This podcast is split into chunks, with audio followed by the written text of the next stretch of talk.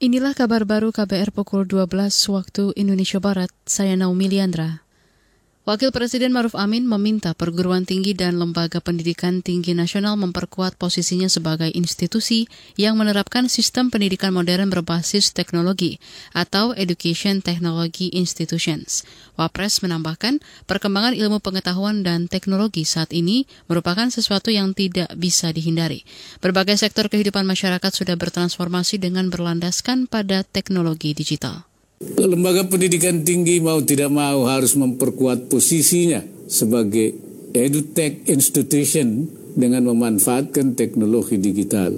Untuk menggapai reputasi internasional dibutuhkan kerja keras, komitmen kuat, dan kebersamaan. Saya sangat mendukung dan percaya Universitas Brawijaya dapat mewujudkan visinya untuk menjadi universitas yang berdaya saing di tingkat internasional khususnya di Asia.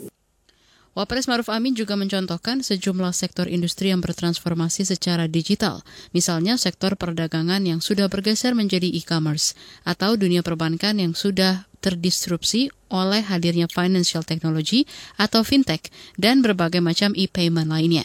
Begitu juga dunia kedokteran dan farmasi yang semakin terdesak oleh keberadaan health technology atau medical technology.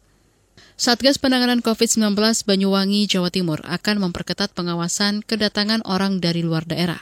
Hal itu untuk mencegah masuknya COVID-19 varian Omikron. Ketua Satgas Penanganan COVID-19 sekaligus Bupati Banyuwangi Ipuk Fiestiandani mengatakan Satgas Penanganan COVID-19 di tingkat kecamatan dan posko PPKM di tingkat desa serta kelurahan juga akan diaktifkan kembali untuk memantau mobilitas warga. Nah, pastinya uh, kita akan intensifkan lagi pemeriksaan kepada masyarakat, terutama masyarakat Banyuwangi ya, yang dari uh, luar Banyuwangi.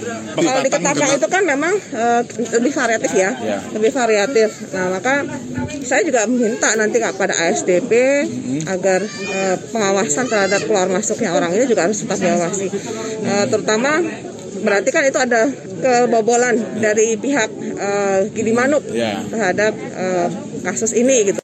Ketua Satgas Penanganan COVID-19 sekaligus Bupati Banyuwangi Ipuk Fiestiandani juga bertekad mengintensifkan lagi testing dengan melakukan tes usap atau swab secara acak terutama di ruang-ruang publik. Fasilitas layanan kesehatan di Banyuwangi juga kembali diminta siaga, apalagi kasus Omikron sudah terdeteksi pula di Jawa Timur. Pemerintah Amerika Serikat saat ini sedang mempercepat pembelian 500 juta alat tes cepat COVID-19. Nantinya alat-alat itu akan diberikan secara gratis kepada seluruh masyarakat yang meminta. Juri bicara pemerintah Amerika Jen Psaki belum bisa menjelaskan kapan pasokan alat tes cepat itu tiba. Tapi menurutnya masyarakat yang meminta alat tes cepat COVID-19 gratis itu harus lebih dulu mengisi data melalui laman khusus yang disediakan. Akhir tahun lalu, Presiden Joe Biden mengumumkan inisiatif pemberian alat tes cepat COVID-19 gratis kepada masyarakat. Ketika itu, COVID-19 varian Omikron memicu warga Amerika berebut mendapatkan jadwal tes COVID-19 berbayar.